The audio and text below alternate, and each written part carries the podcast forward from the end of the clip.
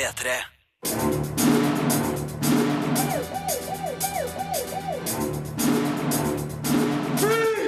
Filmpolitiet! What's your name, dude? Birger Vestmo. What kind of stupid name is that? Jack Ryan Shadow Recruit er en av fire thriller med overraskende få overraskelser. Delivery Man er en varm komedie som dessverre roter seg bort i kleine klisjeer. Nymphomaniac er en krevende øvelse å se. Signert The One and Only Lars von Trier. Det her er premierefilmene som anmeldes i dagens utgave av Filmpolitiet, der vi òg får høre fra Sundance Film Festival, der norske regissører har vært i aksjon. Og du får dommen over det kickstarter-finansierte dataspillet Broken Age. Filmpolitiet anmelder film.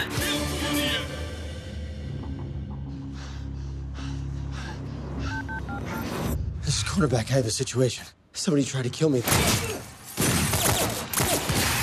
Så er det på'n igjen for Tom Clancy-figuren Jack Ryan, tidligere gestalta av både Alec Baldwin, Harrison Ford og Ben Affleck. Nå er det Chris Pine som spiller hovedrollen i Jack Ryan Shadow Recruit.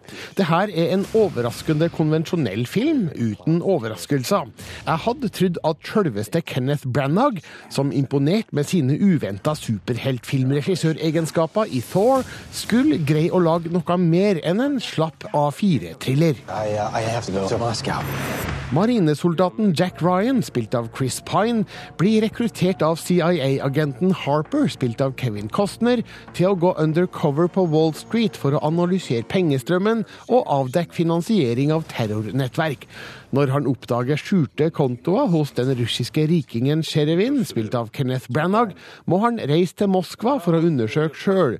Men kjæresten Cathy, spilt av Keira Knightley, som ikke vet om Jacks egentlige jobb, kommer overraskende på besøk, samtidig som situasjonen blir farlig. Historien fortelles med god progresjon. Kjeden av hendelser avløser hverandre med jevne mellomrom. Kjede seg rekker man ikke. Innledninga er riktignok litt treig. Spennende blir det først når Ryan ankommer Moskva. Da får vi noen katt og mus-leika med mer sniking enn action. Det her er ikke filmen for overdådige actionsekvenser, sjøl om tilløp finnes.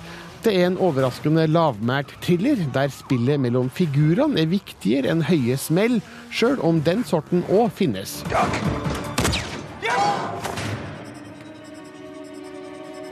Keep moving, Jack.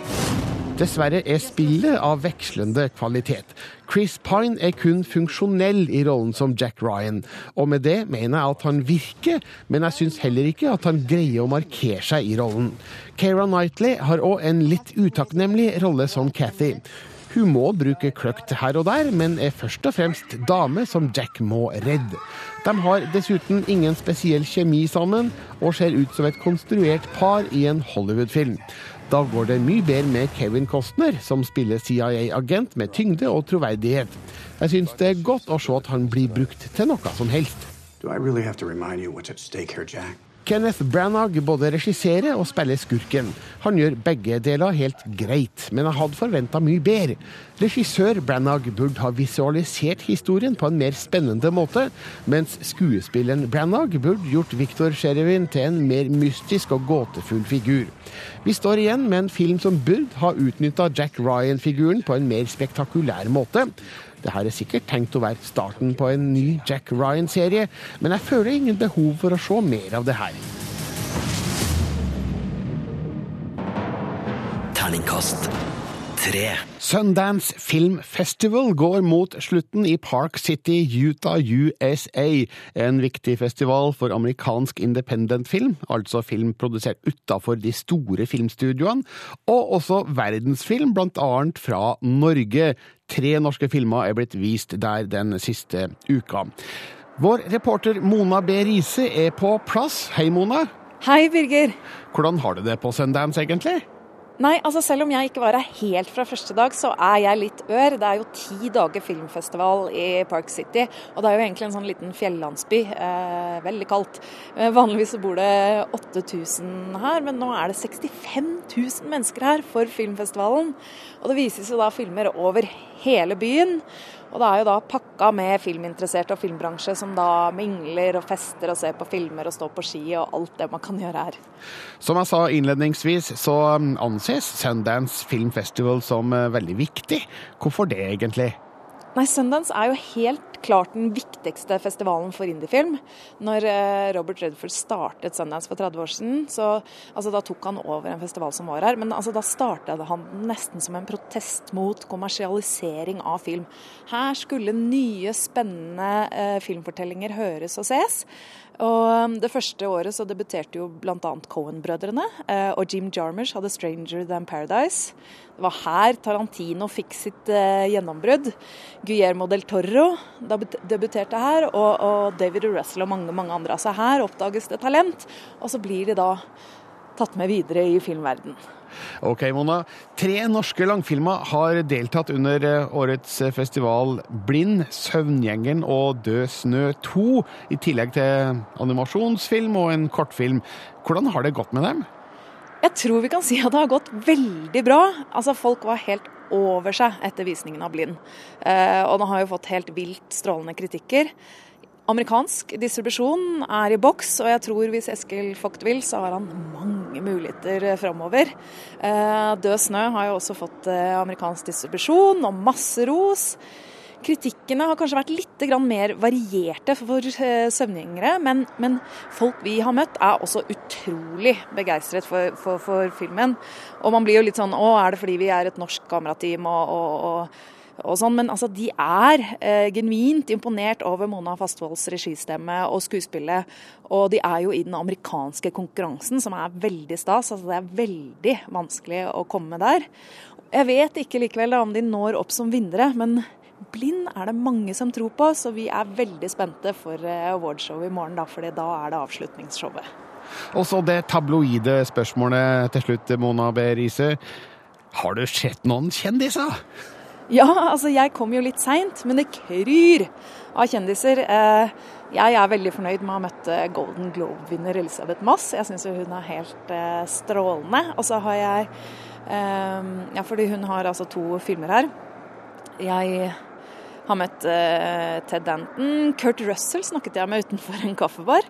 Alle går jo bare rundt. Og så var jeg på fest med Entourage Vincent og alle mulige annet. Men altså, alt som kan krype og gå fra filmverdenen er jo her. Altså Steven Spielberg og, og Robert De Niro og han som elsker Norge, Aaron Paul. Og, og så har jo Mitt Romney vært her for en dokumentar for mitt her. Eh, Nick Cave, Gwyneth Paltrow, Michael Winterbottom. Altså lista er helt uendelig. Ok, takk skal du ha, Mona B. Riise fra Sundance Film Festival i Park City, Utah, USA. Ha en god festival videre. Takk skal du ha. P3. Som vi hørte Mona B. Riise fortelle i sted, har tre norske filmer blitt vist under årets Sundance Film Festival, nemlig Blind, Søvngjengeren og Død snø 2. Eskil Fugts regidebut Blind har Ellen Dorrit Petersen i rollen som Ingrid, som har mista synet og trekker seg tilbake i sin leilighet, der hun får følelsen av at mannen observerer hun i all hemmelighet på dagtid. Filmen har fått svært gode kritikker etter Sundance-visninga, og det var en letta regissør, Eskil Fugt, som møtte Filmbonanzas Vegard Larsen rett etter den første forestillinga. Hei! ja, hvordan var dette? Uh, det var slitsomt. Men uh, det var masse latter i salen. Da. Det var veldig mye uh, den godstemningen underveis, så det hjalp. Det er kjedelig å prøve å være morsom og så ingen ler. Så det er veldig deilig når det kommer noe latter. Puster du lettet ut? Ja, nå puster jeg lettet ut. og Mye bra tilbakemeldinger. og Reaksjonene i salen var jo veldig gode. Så det er deilig å være ferdig. Det sa Eskil Vogt. Mona Fastvold debuterer også som spillefilmregissør med Søvngjengeren. Den beskrives som et intenst psykologisk drama om sjalusi, fortid og fornektelser. Gitte Witt, Brady Corbett, Christopher Abbott og Stephanie Ellis spiller hovedrollene her.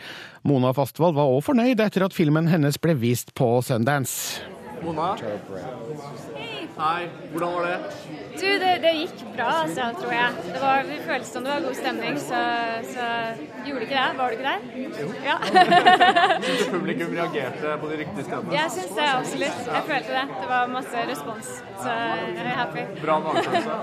Ja, ja, bra magefølelse. Ja, Det var altså førstereaksjonene fra Mona Fastvold og Eskil Fugt etter Sundance-visningene av Søvngjengeren og Blind. NRK har fulgt de her norske filmene på Sundance, og du får se hvordan det gikk i Filmbonanza torsdag 20. februar på NRK2. Filmpolitiet anmelder spill. God dag, Rune Håkonsen. Hei, Birger Vestmo. Du er vår spillekspert. Åh, vet du hva, jeg elsker spill, jeg. Nå har du testa Broken Age, og det som er spesielt med det, er at det er såkalt folkefinansiert. Hva betyr det? Det her er en av de første spillene som gjennom eh, nettsida Kickstarter eh, bestemte seg for å kutte ut mellomleddet, altså utgiverne, de som sitter og styrer pengesekken i spillbransjen, og hoppe rett til forbrukerne. Og det har skapt en litt sånn, et litt spesielt spill. Ja, da skal vi sjekke ut eh, om det har blitt noe. My name is Valoria. Well, a lot of people call me traitor. What if we fought the monster instead of feeding it? We were once a village of warriors. We had pride and honor. This can't be right. If I act on my instinct to fight, I would be putting my whole village in danger. So I'll ask a new question. Instead of, what if we fought the monster? What I want to know is, how do I kill it? Ja, Det høres jo ut som et normalt spill. altså Merker du noe forskjell ut ifra et eh, studiofinansiert spill, for å si det sånn? Det som er litt eh, spesielt, er at det er en historie som du ikke møter så ofte i, i spill i 2014. Det handler om å vokse opp, det handler om å finne sin plass i verden, om å ikke bry seg om hva andre mener, stå imot skjønnhetspress og, og, og, og stille spørsmål rundt kjønn og alt det her, og Det er temaer som ikke er så vanlig å møte i et spill, men i Broken Age så har da Double Fine rett og slett uh, fortalt en historie som er, som er veldig genuin, som er veldig ektefølt. Og Det er noe som jeg ikke tror ville skjedd hvis det hadde vært en, en, et vanlig spillprosjekt som hadde da fått penger fra en utgiver, som så skulle passe på at det skulle tilpasse det til en målgruppe og bla, bla, bla. Her har de fått penger direkte fra folk som er kjempegira, og det er også fordi at dette er veteraner i spillbransjen. Tim Shafer han har jo laga mange pek og klikk-spill opp gjennom årene. Eh, Monkey Island har han vært med på, Day of the Tentacle. Og nå er de tilbake da med et nytt pek og klikk-spill, en sjanger som mange egentlig trodde var død og begravet for 20 år siden. Ja, Pek og klikkspill i 2014. Hvordan fungerer det, Rune? Du, Det fungerer helt fantastisk. Det er eh, et spill som handler om å utforske og, og, og oppdage, og det gjør at du kan også være med på denne utviklingen til de to hovedfigurene. Vi hørte jenta her. Som lever i én verden. Og så er det en gutt som lever i en annen verden, og på hver sin kant så må de overkomme hindringer. De må oppdage seg selv, de må finne den eh, personen de er. Og akkurat denne uh, fortellingen om å, om å bli litt voksen uh, fungerer så godt, og spesielt da i denne pek og klikk-verdenen, som er da også veldig uh, pent rent grafisk, for her har de virkelig latt de kreative kreftene styre. Men ser et folkefinansiert spill like bra ut som et studiofinansiert spill? Ja, ja, ja, absolutt. Det er det som er så fint. At uh, når Broken Age nå, da første akt må vel merkes i, det kommer en akt to litt seinere i år, har kommet, så uh, er det godt å se at sånne type folkefinansierte prosjekter, som har fått litt kritikk for å kanskje ikke levere det de har lova osv., Broken Age gjør det. Det er akkurat det jeg håpa på at det skulle være. Og så er det i tillegg så velprodusert, og både fra stemmeskuespillere, musikken vi hører i bakgrunnen eh, er også fantastisk. Elijah Wood har f.eks. gitt stemmen til den ene gutten i spillet. Så det her er rett og slett et, eh, et spill som jeg må si, jeg anbefaler alle eh, foreldre å kjøpe til barna sine, rett og slett. Fordi at det er et, nettopp dette budskapet som er så fint. Det handler om å, om å stole på seg selv og overvinne de store utfordringene i livet. Ja, Hvordan får man kjøpt Broken Age, og hva spiller man det på? Det er på PC. Eh, Det er litt sånn old school sånn sett. Det kommer sikkert noen konsoller etter hvert, men hvis man akkurat nå har lyst til det, så kan man gå inn på enten Double Fine sine nettsider, eller da på nettbutikken Steam. Og igjen, jeg må si, det her er noe som skiller seg litt ut fra de vanlige spillhistoriene, og det gjør at Broken Age er et spesielt eh, givende og, og morsomt, og, og et spill jeg blir glad av å spille. Takk, Rune Håkonsen. Det er på tide å avsløre karakteren. Åh, det ble ganske bra, det. Terningkast fem. Filmpolitiet anmelder film. David Wozniak, in 1994, you donated to a fertility clinic anonymously. Apparently, there was a mix up at the clinic. What? You are the biological father of 533 children. Delivery Man forsøker å være en varm komedie basert på et ganske vilt utgangspunkt. Og det fins scener her som er morsomme, samtidig som de skildrer gjenkjennelige tanker, følelser og situasjoner. Men altfor ofte roter regissør og manusforfatter Ken Scott seg bort i kleine klisjeer og enkle løsninger.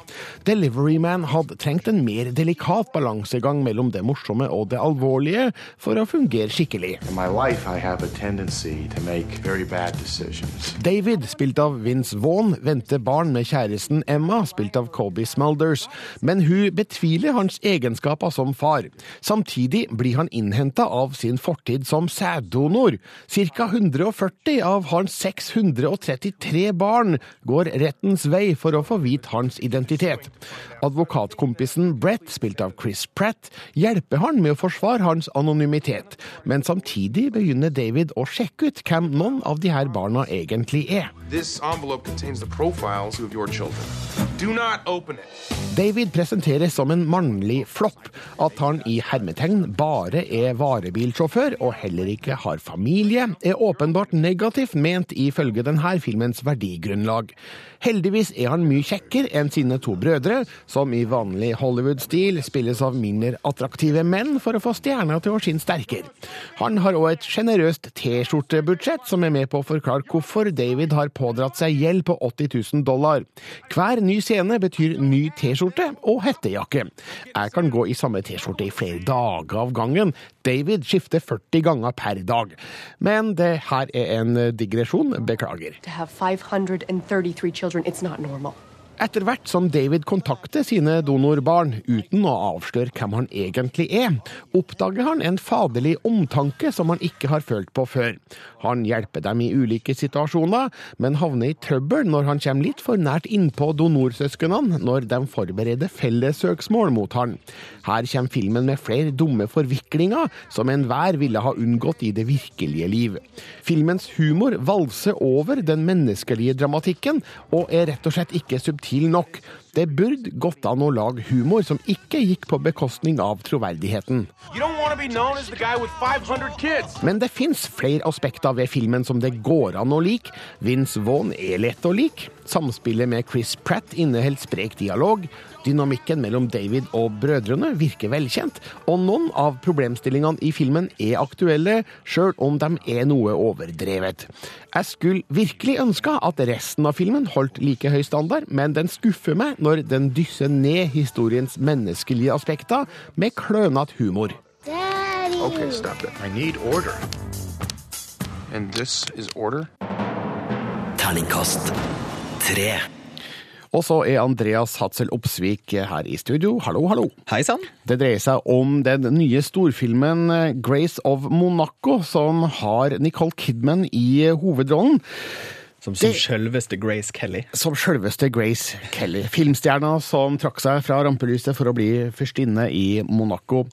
Eh, ja, altså, dette er jo en film som har vært mye omtalt, og eh, det blir ikke en mindre nå, for eh, storprodusent Harvey Weinstein stikk, stikk kjepp kjeppa i hjulene her. Ja, uh, han er i en uh, aldri så liten krangel med regissør Olivier Dahan, som kanskje best kjent for La Vie en Rose.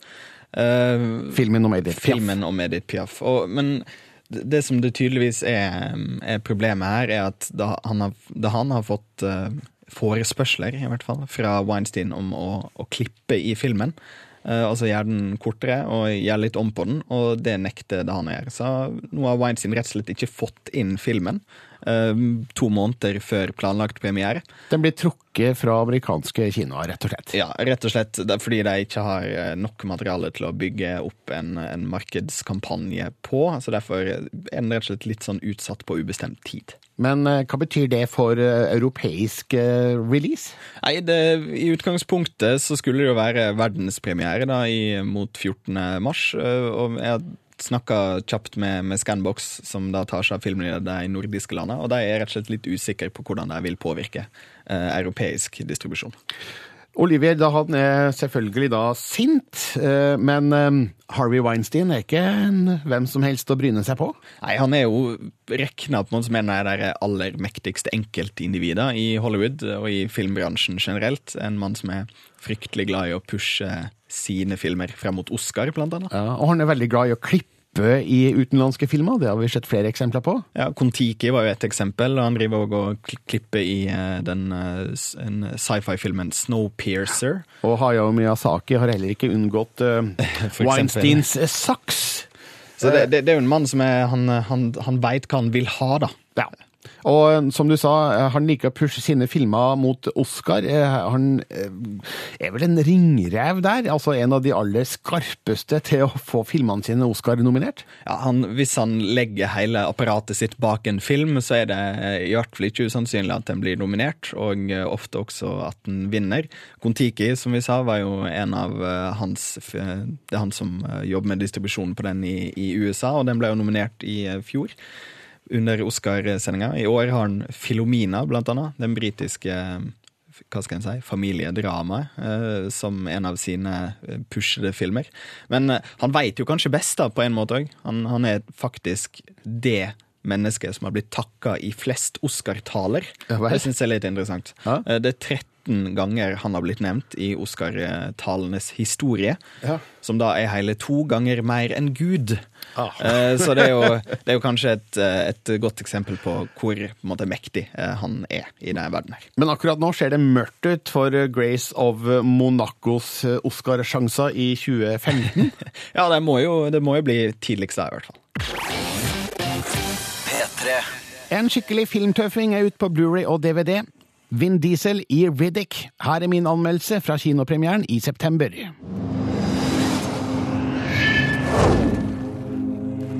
Don't know how many times I've been crossed off the list and left for dead. Det var på høy tid med et gjensyn med Riddick, en av nyere filmhistories barskeste figurer. Vin Diesels gjennombruddsrolle er sjølsagt gjennomsyra av klisjébefengt muskelheltisme, men det er akkurat det jeg digger han for. Nå er Riddick tilbake for tredje gang i et mørkt sci-fi-eventyr som tar han tilbake til utgangspunktet. Det her minner nemlig ikke rent lite om førstefilmen Pitch Black. Spesielt originalt er det kanskje ikke, men regissør David Twohy har laga en gjennomført film med et helt spesielt univers, noen utstuderte figurer og en stemning som hele tida balanserer mellom tøff og ufrivillig komisk.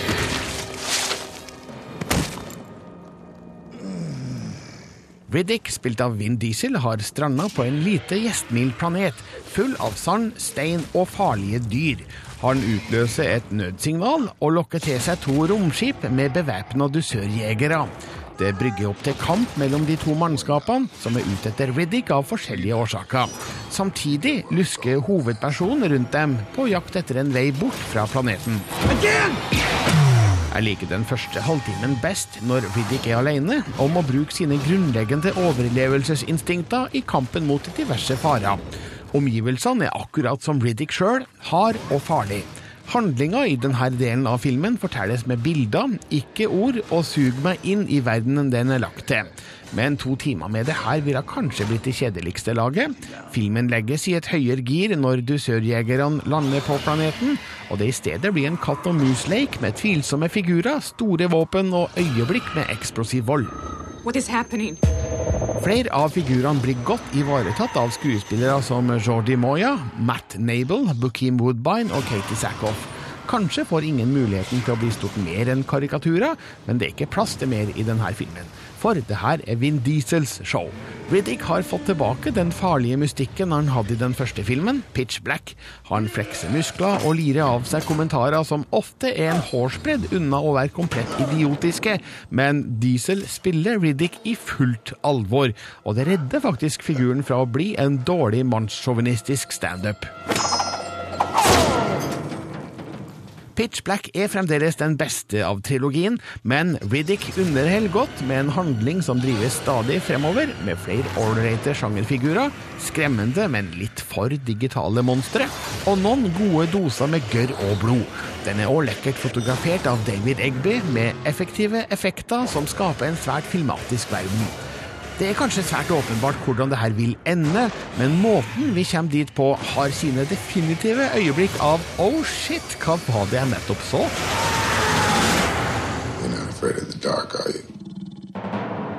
Terningkast fire. Riddick er altså nå ut på Blu-ray og DVD, og ja, den er anbefalt til en fredag kveld. Der tror jeg den passer perfekt. I dag har Lars von Triers Nymphomaniac norgespremiere. Denne filmen har fått ekstremt mye medieomtale av sitt eksplisitte innhold. Pornoskuespillere ble henta inn for at det faktisk skulle være kjønnsorgana i bevegelse her. Sterk kost for noen, men Stellan Skarsgård, som spiller en av hovedrollene i Nymphomaniac, avfeier hysteriet. Man kan jo si at man har jo kjent at det er nypuritanske vindar som blåser. Eh, speciellt i Sverige kjenner man dem. Eh, der där eh, sexualiteten alt mer liksom sammenblandes med mannsfortrykk og masse sånne der saker. Så eh, kvinnorörelsen har importerat lite puritanskt slagg fra USA kan man si. Men, men for meg for, för, för mig och mina barn, de ser ju mig naken hela tiden och jag ser ju dem nakna hela tiden. Jag byter ju blöjor på dem. Så att för oss är ju inte nakenheten något konstigt och inte sexualiteten heller. Utan det är ju, det är ju värre i Salt Lake City eller i Kabul. Va? Stellan Skarsgård mener det er lite som er sjokkerende med nakenhet og sex i Nymphomaniac, men er den bra? Filmanmelder Rune Haakonsen har dykka ned i psyken til en sexavhengig kvinne.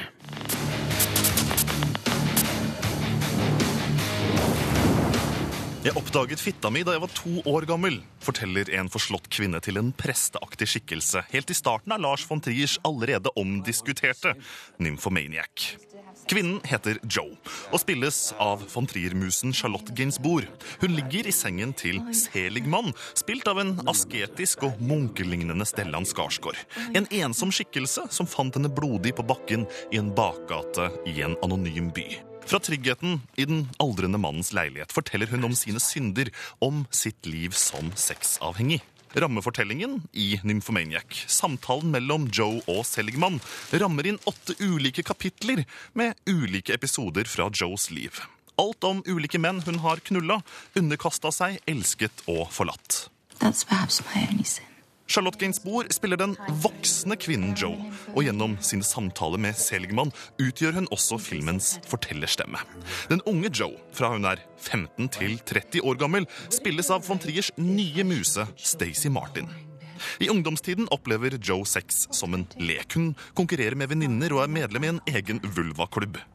Selgman lytter stille, med enkelte spørsmål og digresjoner på fortellingen om hvordan hun mistet jomfrudommen til Jerome, spilt av eh, Shia LaBeouf. If I asked you to take my virginity, would that be problem?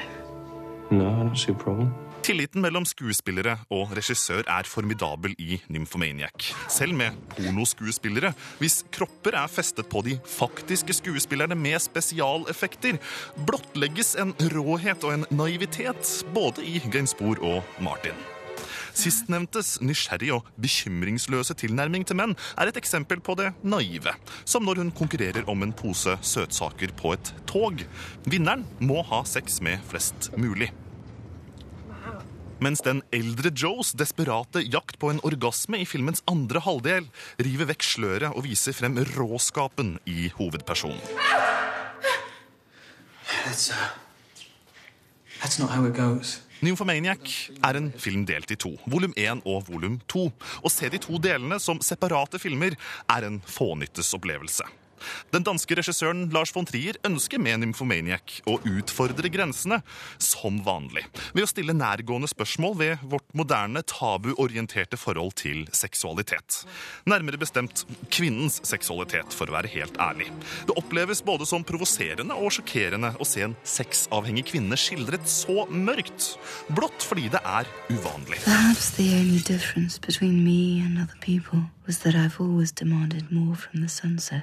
Kontinuerlige anklager om kvinnehat har dundra mot regissøren. Men virkeligheten er at von Trier finner det helt uinteressant å skildre en glad og lykkelig kvinne.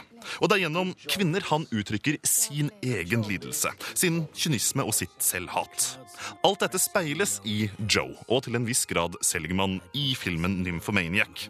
Dialogen dem imellom er intet annet enn von Triers egen fortellerstemme. Lars von Triers kontinuerlige utvikling som filmskaper, hans måte å formidle dypt politiske og moralske ideer, og hans unike evne til å nærme seg filmfigurenes mørke syke, resulterer i et filmverk som bare forsterker min forståelse og min oppfatning av Lars von Trier som kunstner. For å oppsummere hva jeg mener om Nymphomaniac i én setning det finnes bare én Lars von Trier.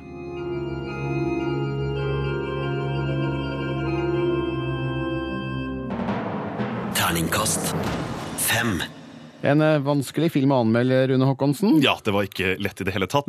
Ikke bare fordi at den er fire timer lang, men det at det er, er, det er så omfattende. Det er så mye eh, som, som skjer, og, og så mange ting man må ta inn over seg når man ser en sånn film som det her. Du så den i København i desember, da du skulle intervjue skuespillerne fra filmen. Vi har allerede hørt Stellan Skarsgård. Du har også møtt eh, Stacey Martin og Charlotte Gainsbourg, Mm. som faktisk da spiller da samme rolle i Nymphomaniac. Ja, og, og det opplevdes veldig sømløst. Eh, så jeg måtte jo spørre Stacey Martin jobba dere sammen på forhånd. Svaret var jo faktisk litt overraskende nei. We did it completely different. Like, didn't speak about the character um, with Charlotte at all. We didn't. I didn't research nymphomaniacs or sex addicts. I didn't. It, it was just very interesting. So I was. I was wondering how we both would marry the same character. But it. What's interesting is that I, because I played Jo from 15 to 30. In those years, she is still discovering herself, especially in the younger part. So when by the time Charlotte takes over, she is a different person because she's older and she's more mature, and so that I think it worked well in that term. Mm. And his films I often find, at least women, Mm. dark, very they, they, they suffer or choose suffering Mm. upon themselves. Why did you go for this role? It's a very demanding one and, and at times very dark. Yeah, of course. Um, but me as an actress, I, I want to explore things that might not be very comfortable, might be difficult. Um, that's what I enjoy the most is tackling subjects that people might think twice about, might want to talk about. So being presented with the Lars von Trier movie is sort of the perfect opportunity um, for me. Sa Stacey Martin om sin rolle i Nymphomaniac. Og som hun sjøl forteller, Charlotte Gainsbourg spiller altså da den eldre utgaven av denne rollefiguren. Og hun har jobba med Lars von Trier før. Ja, og, og det som var litt interessant, at begge disse kvinnene var litt opptatt av det, av det mørke, at de ble litt sånn tiltrukket av det. Og jeg, og, og jeg måtte da som sagt spørre Charlotte Gainsbourg, hvorfor går du tilbake til en, en så øh, vanskelig regissør? I think um, mm, from just what I've experienced, every time I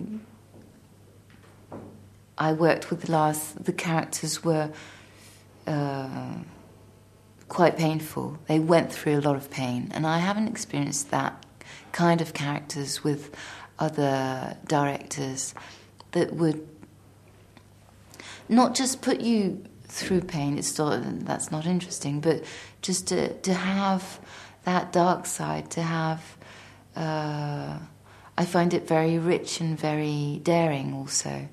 Uh, to be able to go too far. I like to go through that path with Lars, um, but it was, for me, the three films were accidents because I didn't know he would ask a second time, and and this one was a surprise too. So I can't say that I I didn't pick him; he picked me. I, I must admit, I was quite shocked at times seeing the movie. Uh, By what? I'm really curious to know what's shocking. Because I, I don't find this this representation of the female sexuality anywhere else, really. And, and that again is the characters. But what? Uh, for me, it's not. It's not uh, female sexuality. It's that character's sexuality. I find this representation is very rare, and therefore also very interesting. No, for me, it's a, a very specific sexual appetite, but it doesn't refer to every woman. Charlotte Gainsbourg der, som var eh, litt uenig og litt overrasket over at jeg ble sjokkert over Nymphomaniac. Men eh, jeg tror nok at det er ganske mange andre også som kommer til å løfte både ett og to øyenbryn hvis man går og ser da den fire timer lange filmen på kino her i Norge. da. Premiere i dag. Takk, Rune Haakonsen, og din terningkast fem-anmeldelse ligger ut på p3.no slash filmpolitiet. P3. Og nå et Blu-ray- og DVD-tips. We're The Millers kom ut i forgårs. Den skal være noe forlenga i forhold til den versjonen som gikk på kino. Det skal være ca. åtte minutter ekstra, og da dreier det seg om litt grovere humor, stort sett. Og litt mer stripping fra Jennifer Aniston. Vel, her er i hvert fall min anmeldelse fra da We're The Millers ble vist på kino. So how was work this evening, neighbor? I need a lap dance, table five. Don't get too close. The guy smells like asparagus pea and he's got a hook hand. Jeg blir ikke sint av We're The Millers, bare litt trist. For her har gode krefter gått til spille.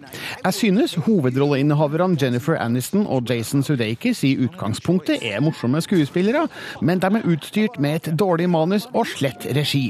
Filmen greier verken å nå lattertoppene den forsøker å bestige, eller hjertelaget den later som om den har. Flere merkelige påfunn og anstrengte bifigurer gjør det her til en feilslått reisekomedie. Narkolangen David, spilt av Jason Sudeikis, må innfri gjeld ved å smugle et parti marihuana fra Mexico til Denver, og får ideen om å bruke en familie i bobil som dekke. Han får med seg nabodama Rose, spilt av Jennifer Aniston, en stripper som trenger penger, nabogutten Kenny, spilt av Will Polter, som trenger foresatte, og gatejenta Casey, spilt av Emma Roberts, som trenger tak over hodet.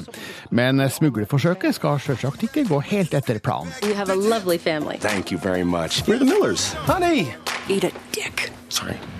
Hva som skjer videre er liten vits i å avsløre her, men de møter flere figurer underveis. Noen av dem uinteressante, andre blir grusomt overspilt og overtydelige. De havner i dumme situasjoner som kanskje kan ha virka morsomme på papiret, men som bare er teite foran kamera. F.eks. når de gjemmer en pakke dop i et teppe, og noen tror det er en baby, og så later de som om det er en baby den neste timen. Det er for dumt.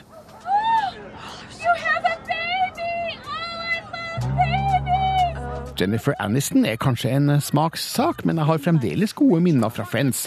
Det sier imidlertid sitt når hennes aller morsomste øyeblikk i denne filmen er et planlagt Friends-relatert tabbeklipp før rulleteksten. Ellers får hun imponert med sine poledance-evner, men de her scenene er kun for å vise kropp, ikke for å være morsomme eller drive handlinga fremover. Jason Sudeikis er et hyggelig filmfjes og har god komisk timing, men akkurat som Aniston greier han ikke å være bedre enn manuset tillater. It's a skateboard. Skateboard, great. Of course it is. a big black skateboard. Jeg ser hva regissør Rawson Marshall Thurber forsøker å gjøre med We're The Millers, nemlig å skape en roadtrip-film med et bankende hjerte bak rå humor. Men jeg får ikke noen emosjonell reaksjon av de tynne figurenes relasjon til hverandre, og jeg ler ikke av de overtydelige vitsene uten gode poenger. Sjøl forsøkene på å tøye grensa blir tamt her. Denne filmen har jeg sett for at du skal slippe. Have some respect. That's your mother.